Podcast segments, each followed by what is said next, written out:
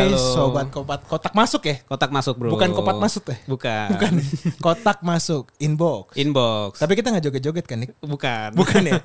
Ini episode keempat di bulan Januari, Nik. Mantap. Masih Januari nih, Bos. Masih masih panjang bro perjalanan. Ih, ini 2022 apa 2023 sih? 2022 dong. Oh, bukan di multiverse yang lain kita ya? Beda. Beda ya? Gimana kabar, Nik? Baik baik. Gimana Mas Es? Ya, gini-gini aja sebagai entrepreneur muda. Mantap. Entrepreneur kan membangun bangsa. Hmm, membangun cash flow lebih tepatnya. Mantap. lo lo sibuk-sibuk apa nih? Udah, udah minggu keempat ini. ya gue sih masih sibuk ngurusin kantor lah biasa. eh, pekerja kantoran. Beda Pekerja sama kantoran, Bang Moses gitu kan. Ya untuk yang mendengarkan ini baik itu di kantor baru dan kantor lama, salam semangat untuk kita semua. Tetap semangat di Asik. 2022. Oke kali ini kita kedatangan siapa lagi nih Nick?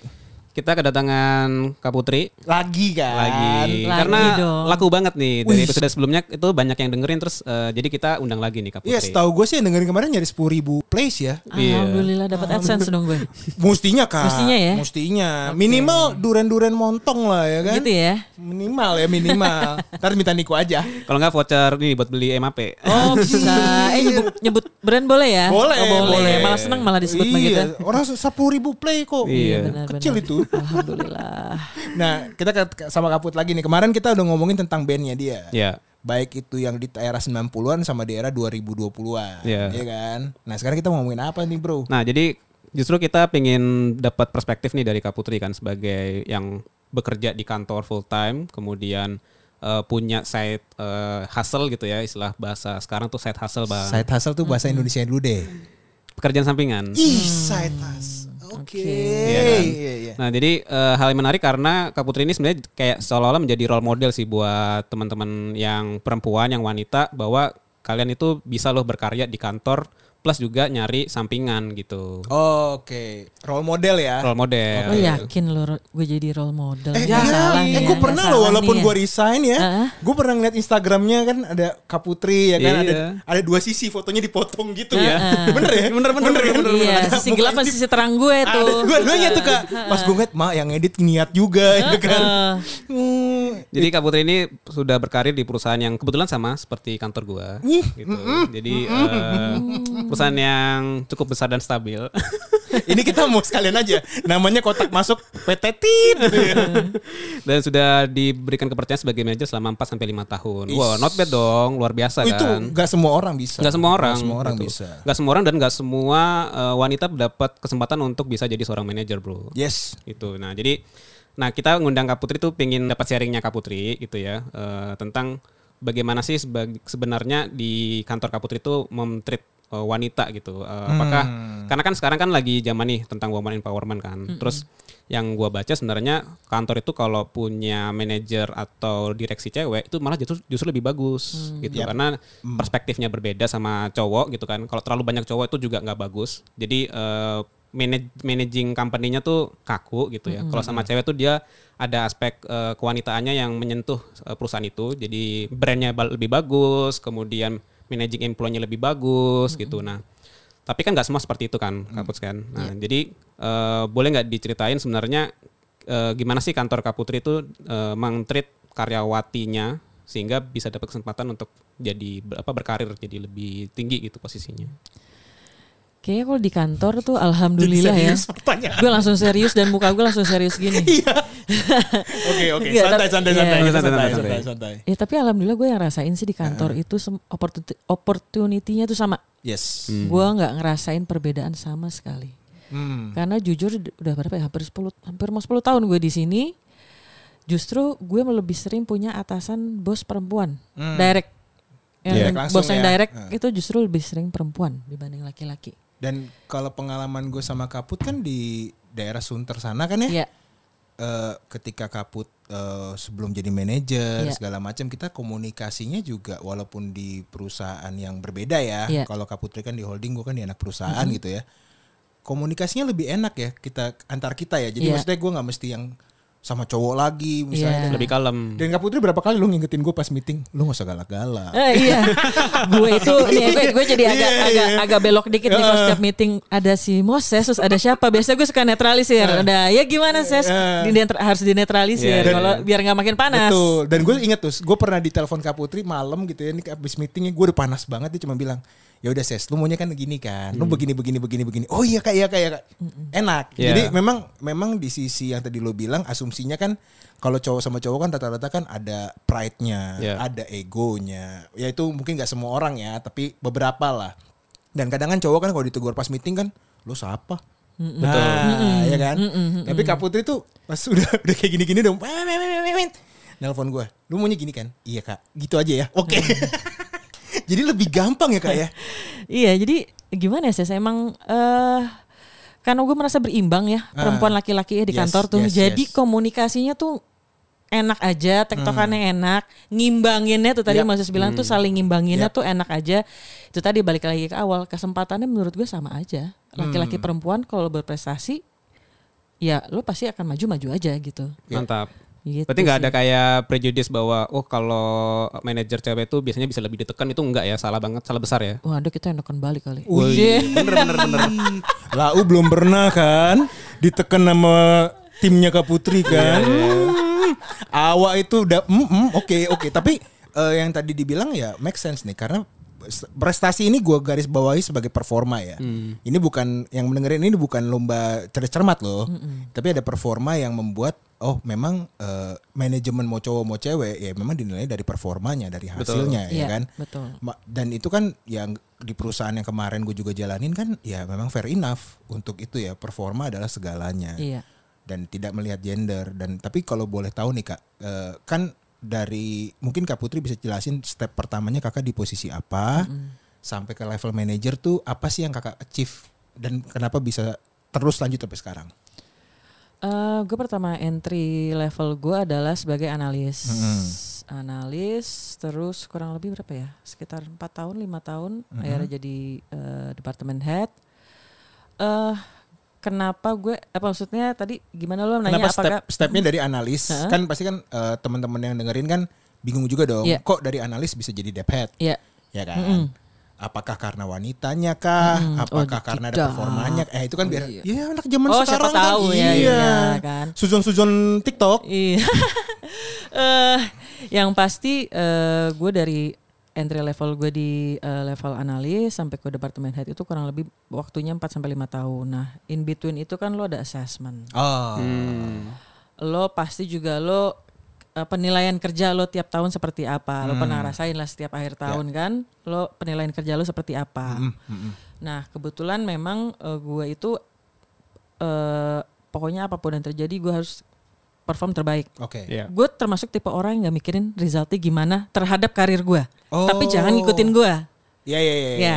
Iya. Karena gue kalau mikir, put lo golnya dua tahun lagi mau apa? Lo mau jadi apa? Mau jadi jurit gini-gini. Kalau gue dalam dua tahun gue nggak achieve itu, gue Iya. takutnya gue stres. Berarti Stress. ekspektasinya lo Ya. maintain banget ya. Maintain. Oh. Jadi gue apa udah it, jadi, I will do my best. Hmm. Sampai titik darah penghabisan. Gue selalu percaya, ya manajemen pasti bisa lihat kok. Gitu aja.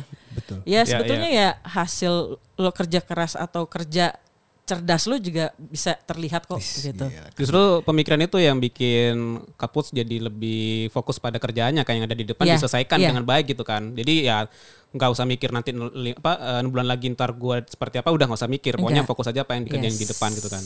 Gue dari siapa pun Hmm. mungkin atasan gue yang pernah nanya sama gue lo pengen umur berapa lo jadi ini? Lo pengen jadi ini nggak pengen ini nggak? Hmm. Justru gue nggak pernah punya goal gitu. Oke Hmm. oke. Ya b- balik lagi itu cara gue. Iya iya Ya itu gitu kan masing-masing individu lah. Iya. Nggak ambisi tapi yang penting jalan, yang penting ngegas gue itu aja. Asik. Cuman kak kalau kalau sepanjang karir nih ya, kan pasti kan kalau cowok nih Ya. ritual pagi, Mm-mm. ya kan, Mm-mm. paling datang ke meja kantor, set, celingak celinguk ngopi, Uh-uh. sebat-sebat, Iya. naik lagi meeting. Uh-uh. Kalau cewek nih yang gue lihat ya, yang gue lihat nih ya, datang ke meja kantor, set, buka kotak make up, foundation, Iya. eh, semprot-semprot. Dendong catokan. ya, say. Dendong. Dendong. Soalnya pas di lift nih, kalau gue di kantor Sunter itu ya biasa. Tapi pas di meja kerja datang gue lewat 30 menit, kok cantik kali. Cantik kali. Beda. Ini siapa nih? Ini Nggak kenalin gitu ya. Mau nyapa juga awak takut. Tapi pas gue lihat ritualnya karena kan gue memang agak-agak ya kepo lah ya bahasa zaman dulunya kepo ya. Eh, ada nggak sih ritual-ritual kaput kalau di pagi hari sebelum mulai kerja kak? Eh, ritual dendong nggak ada. Dendong ada. Mungkin dulu ada karena sekarang pandemi orang banyak pakai masker yang masuk 50-50% anyway. Yang penting rambut gue prima Iya, iya, itu iya. aja gue. Yang oh, penting rambut, gue prima. ya, rambut prima. Eh, Oke. tapi biasanya sih gue eh, sebelum ke kantor biasanya pasti gue beli kopi. Oh lo harus beli kopi. gue jam 8 tuh gue udah nggak ngapa-ngapain, udah gue udah standby. Oke. Nggak ada ini ono sarapan gerusak-gerusuk itu nggak ada, udah. Hmm. Gue udah I'm ready with my laptop dan dengan kopi gue. Is, udah. asik. Itu, udah siap. PW banget lah ya. Udah PW banget gitu. Jadi gue selalu sekarang tuh selalu wake up lebih early lagi Hmm. untuk gue beresin dulu deh biar gue nyampe sana tuh udah nggak ribet gue. Oke, oke. Gitu. Dan dan untuk eh, memulai kantor itu cuma cukup dengan kopi aja ya kalau Cukup. kaput ya. Yes. Terus kalau misalnya ini kan Kapus kan eh, punya bawahan nih. Sebelumnya kan dari analis kerja sendiri ya, Iya. malah yang dapatkan assignment sekarang udah jadi atasan gitu. Betul. Nah, dan atas itu kan ada yang cewek dan ada yang cowok juga gitu. Iya. Nah, gimana nih cara Kapus biar bisa ngelola timnya juga biar lebih asik juga kerjanya tanpa harus kerasa kayak, oh ini seperti ini nih, bosnya gitu. Ada nggak caranya gitu Kapus? Tiap individu gue PDKT-nya beda-beda. Ih PDKT nih. Iya. PDKT. Katanya beda nih bang. Beda dong, beda ya. iya. Karena di ya maksudnya di tim kerja bareng gue itu lo dari generasi eh, X, Gen X ada, Gen Y ada, Hmm. gitu. Gen Z belum ada. Tapi berapa baby, orang baby sih boomer, Kak? baby boomer. Eh, baby boomer Hah? in between eh baby boomer nggak ada nggak ada. Udah Gen pensiun X. dong Nick. Nick Gen gimana X. sih lo? Gen X, Gen X. Gen X lah. Gen X ya, Gen X ya. Baby boomer berarti Iya. dia konsultan. Kita nggak ngebahas konsultan di Nggak sini. bakal, nggak Jangan. berapa Jadi, orang kak? Berapa orang kak? Sorry, Eh, sorry. di tim itu 12 sama gue ya. Wih rame. Hmm, rame. 12 Rame. sama gue. Nah itu gabungan antara eh, Gen X sama milenial ya. Milenial Wow. kan Gen Y ya. Hmm. Itu bauran dua itu semua. Eh, tapi tiap individu tuh kan Beda-beda. karakternya unik-unik sendiri-sendiri. Hmm. Punya kelebihan eh, dan kekurangan masing-masing. Jadi gue tuh harus beda-beda. Gue nggak bisa nge-treat sama. Oke. Kalau it- kita ngomongin pendekatan secara personal ya, tapi kalau secara tes assignment, oh pasti semua kan udah ada SOP-nya juga, segala macam ada SLA ya kita tetap based on itu semua. Ya. Tapi how to achieve itu, Ya. gue tuh PDKT-nya sendiri-sendiri, karakternya soalnya beda-beda. Nah Gak bisa kalau gue samain. kalau karakternya yang nggak cocok banget sama Kak Putri gimana? Kan kalau misalnya karakternya sama is Ha-ha. easy dong. Iya, ya betul, dong. ha-ha. Misalnya dia juga yang ah ya udah gue jam 8 ready nih Iya. kopi aja ya Iya, kan. ha-ha. Tapi kalau misalnya tadi da- dari salah satu lah ya salah satu atau studi case-nya misalnya aduh aku mau make up dulu ya kan atau enggak aduh aku belum update di TikTok nih pagi ini Kalau nggak beli jajan dulu di bawah. yang paling nyehenya tuh nggak apa nih menurut gue nih kalau yang sekarang nih ya untung gue nggak di kantor yang lama ya bisa gue timpukin tuh lagi buat apa video pemandangan Eh. aduh nggak work life balance banget nih anjir Wah, mendingan lo gak usah kerja di sini. gue tinggal gampang gitu, lo keluar Maunya apa aja. coba? Maunya gitu. apa? gue nggak ngerti karena karena sekarang tuh kalau gue lihat tuh udah kayak senja-senja di kantor ya kan aku masih kerja udah jam 5 nggak work life balance banget ih padahal cuman sekali setahun kali disuruh lembur maksud gue Iya, iya. eh, kadang kan gini eh, gue nggak bisa bilang eh, semua orang mentalnya sama Betul. Cuman eh, bedanya dari zaman gue pas masuk kerja sampai sekarang juga nih, dulu kita nggak upload upload men, Mm-mm. kerja ya kerja Iya, aja. iya. Nah Betul. kalau Kak Putri dapet nih atau nggak pernah punya pengalaman atau teman Kak Putri itu kayak gimana sih karakter yang agak-agak bukan bukannya rentan ya, maksudnya agak-agak yang kekinian lah. Mm-mm. Itu gimana nyiasatinnya kak? Misalnya karakternya nggak sama banget sama Kak Putri. Mungkin gue nggak ngomong ini eh, orang yang kekinian ya, Iya, tapi iya. lebih mungkin yang gap usia mungkin jauh. Oke. lebih senior mungkin. Oh, itu lebih kan senior. ya, seniornya ya. ya, lebih senior dong, lebih senior misalnya dari gue. Hah? Gue nggak ngomong ini apa yang gue hadapin sekarang, tapi pernah memang yang gue berhadapan dengan yang lebih senior pada gue, itu memang gue PDKT-nya agak membutuhkan waktu lebih lama. Oke. Karena it's gue harus tahu dulu seluk beluk atau celahnya untuk masuk ke dia itu gimana. Ya, Jadi ya, gue perhatiin dulu, gue nggak langsung gue datang, eh gini gini gini enggak. gue liatin dulu dia senangnya apa sih, Iya, iya, iya. hobinya dia apa sih, baru gue Ah. bisa masuk. Itu yang gue membutuhkan waktu agak lebih lama untuk tahu nih orang nih sebetulnya karakternya gimana. Kayak PDKT tadi ya. Ya, tadi, ya tadi untuk mendevelop ini orang mendevelop ini orang nih gimana nih. Iya, iya. Gitu. Dia strengthnya apa nih? Wah, Baru gue bisa pelan-pelan gitu. nggak bisa ada yang butuh waktu, ada yang instan bisa, ada yang butuh waktu. Itu sih yang pernah gue alamin.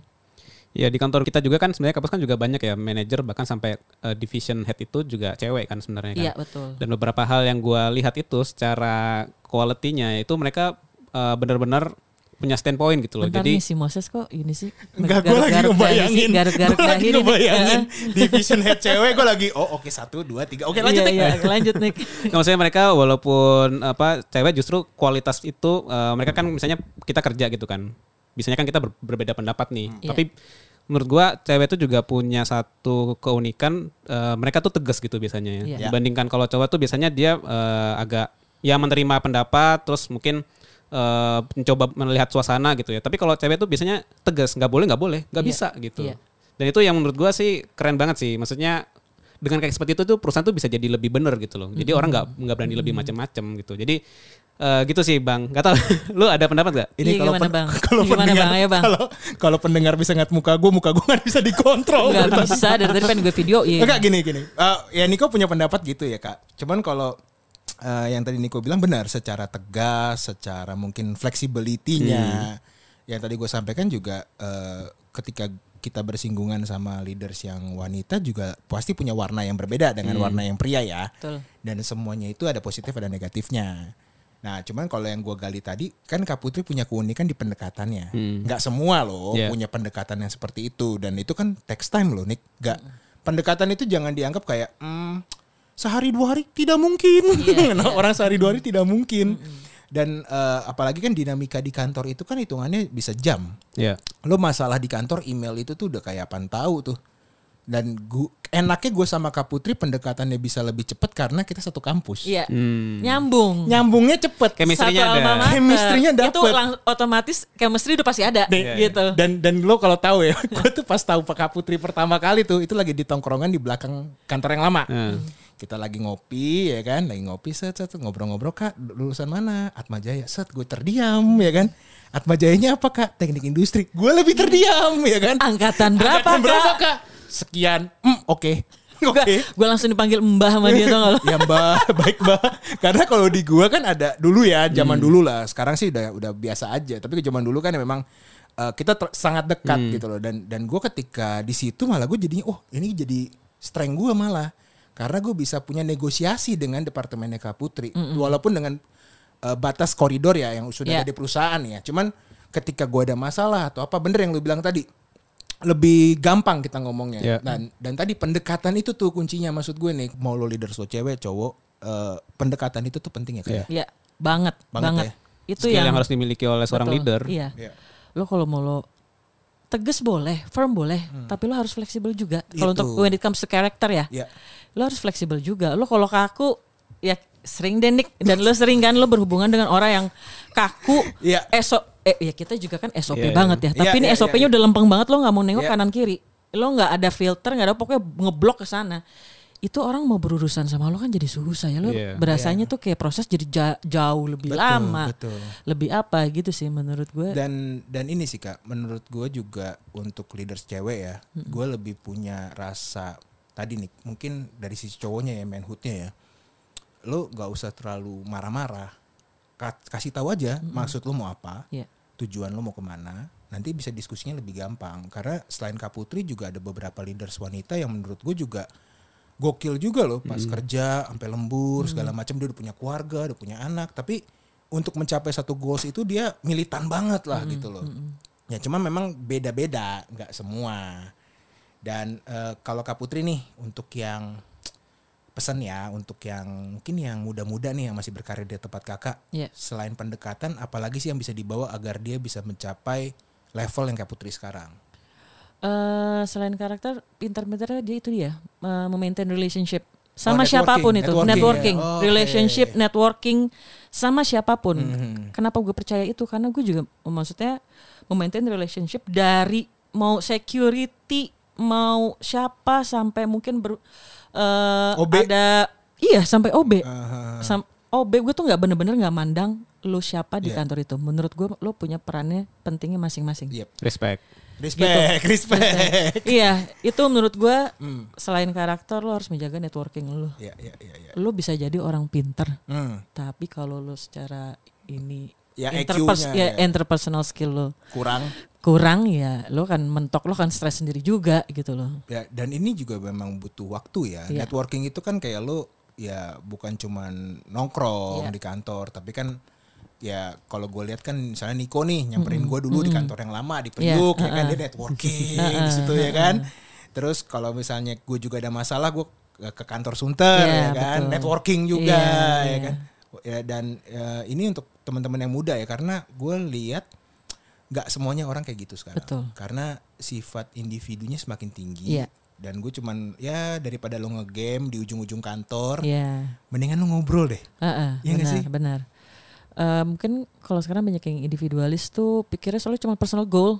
Iya. Iya. Iya benar sih. Mereka nggak sadar bahwa in order lo achieve ke sana kan ada pihak-pihak lain yang terlibat. betul, betul. Nah itu. Justru hidup kita jadi lebih mudah sih kalau kita bisa deket sama orang ya. Misalnya Iya. deket itu dalam arti kayak lu udah pernah ngobrol sama dia, terus Iya. itu lebih gampang gitu loh. Eh gue lagi ada masalah nih, eh, bisa bantuin gak gitu? Ya, Betul. lebih enak daripada kita sama sekali kayak apa net eh, datar aja gitu, terus Iya. minta tolong juga nggak mau nggak mau kan? Uh-uh. Pasti akhirnya kita nyari mikir sendiri, ngerjain sendiri, pusing sendiri gitu. Makanya. Jadinya waktunya juga sayang kebuang sih. Gitu. Dan lo kan juga belum bisa apa-apa sekarang bisa berkolaborasi kan. Iya.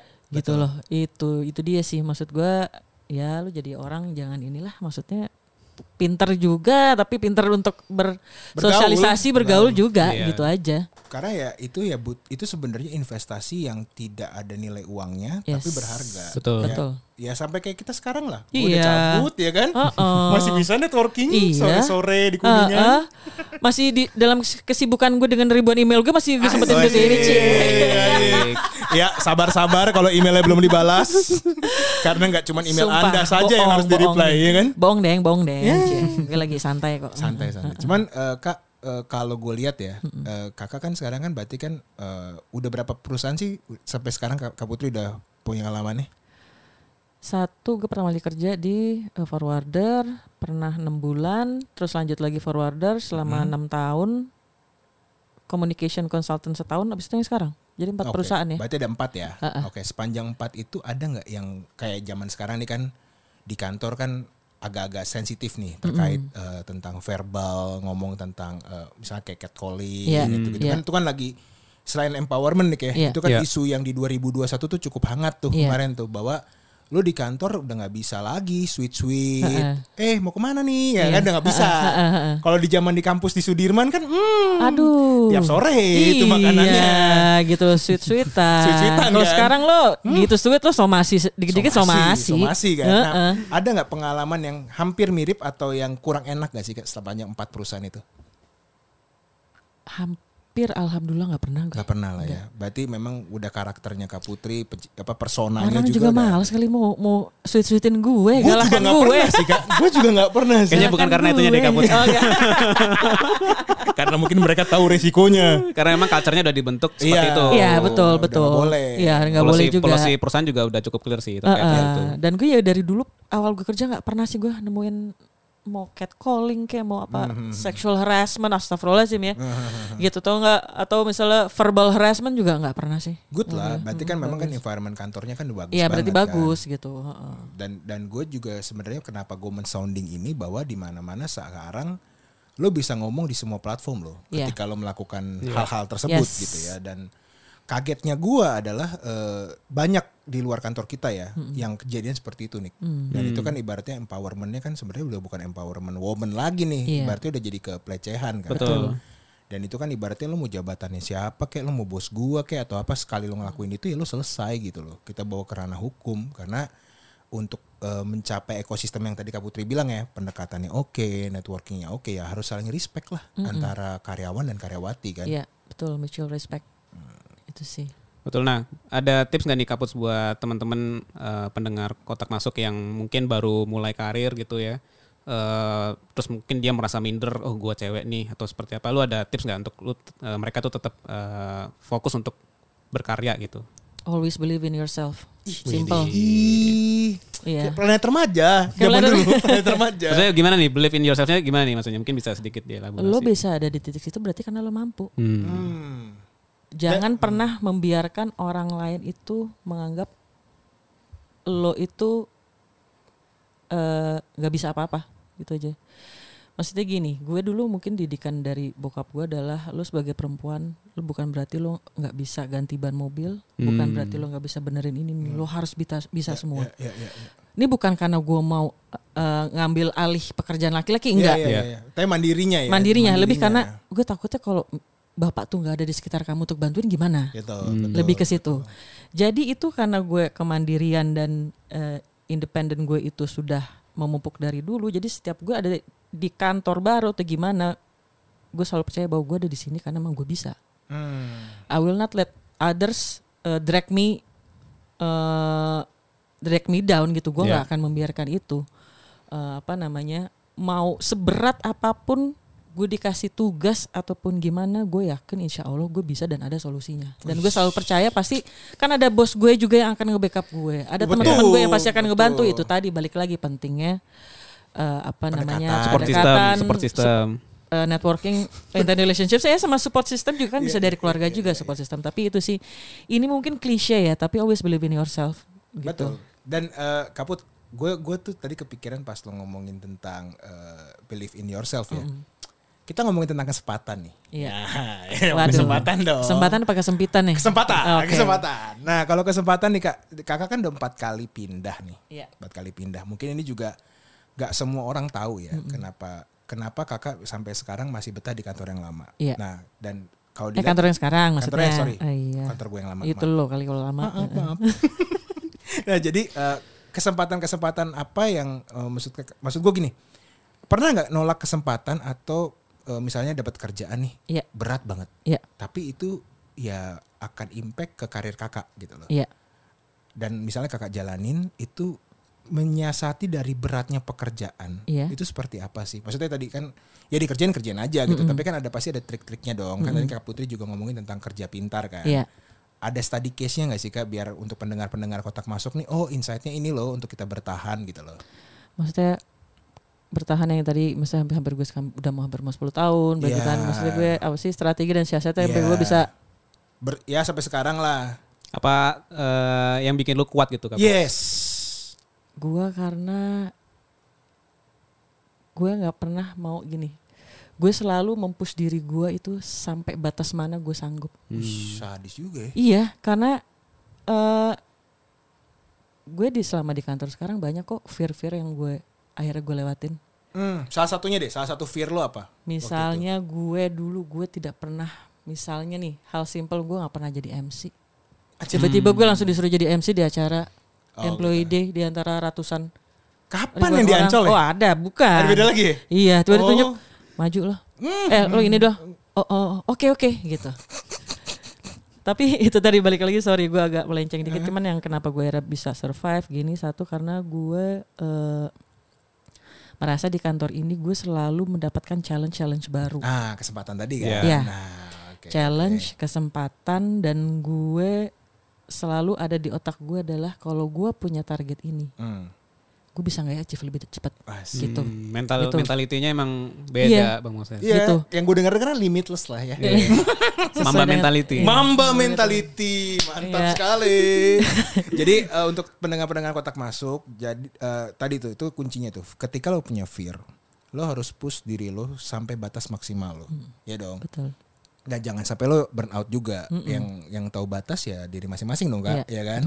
Dan di situ lo juga harus tahu lo harus buat support system lo. Bener kan kata kuncinya tadi kan. Iya. Support systemnya kuat, networkingnya kuat, dan lo bagaimana managing up ke atasan lo juga clear gitu Iya. ya. Jadi sehingga lo bisa mengatasi fear lo yang ada, ya kan. Mm. Dan kalau emang udah rasanya toxic banget, kayaknya sah-sah aja kan maksudnya. bahasa anak bahasa sekarang lu tuh kenapa sih? banget ya. Gimana gimana? Kan gue tinggal di Jaksel. Oh iya iya iya iya. iya, bahasa iya. sekarang banget. Literally ya. Iya. Literally ya. Maksudnya kan kita kan udah tadi ya secara mentalitinya juga udah kuat Iya. gitu. Nah tapi kan balik lagi nih, kan kita satu di antara environment kita kan. Iya. Maksudnya environment kita kan kita nggak bisa pilih gitu loh. Kita masuk ke satu ek- apa eh, komunitas baru, belum tentu mereka bisa nerima kita kan. Jadi menurut gua sih ya kita sah saja sih kalau misalnya memang kita susah untuk berkembang dan ini jadinya toxic daripada kitanya stres, merekanya juga nggak capai target ya mending kita cari yang lain aja gitu Iya, kan. iya betul. Cari yang lain aja. Iya. Tapi ya cari yang lain bukan langsung cabut kan. Bukan. Definisikan masing-masing. Iya. Kan maksudnya nyaris bisa, kena bisa, framing nih, kok nyaris kena framing. bisa pindah departemen. Iya, iya, iya, iya, iya. Iya, gitu. betul. Iya iya Dan eh, untuk penutup, ini kan udah di akhir Januari, jadi untuk pendengar kotak masuk bisa ngikutin Instagram dan eh, mungkin nanti kita kasih link Spotify kita di episode kita di Instagram ini. Eh, ini baru awal di tahun 2022 yang nanti kita akan bawa juga episode-episode yang lain ya Nick ya. Siap. Selain kaput, kita juga akan ngundang temannya kaput Pasti, pasti. Yes. dan kaput lagi. Gue lagi kayaknya. Iya dong. Kalau bisa jadi reguler eh, tamu boleh juga. Boleh, Boleh, banget boleh, kalau sudi kalian Oh, oh, sama siap. gue, gue lagi, gue lagi. Ilmunya banyak nih harus. Insya Allah. Kita akan kita akan gali loh, Betul. step by step pendekatan, ya kan? Penasaran tadi pendekatan. pendekatan loh. Dan ini kan ibaratnya bukan ke arah eh, asmara, tapi kan ke arah relationship Betul. relationship. Networking. Maintain, betul. Yes. Eh, thank you yang udah mendengarkan di kotak masuk. Em, tetap semangat, eh, pasti bisa. Ya. Thank you semuanya. Thank you. Thank you.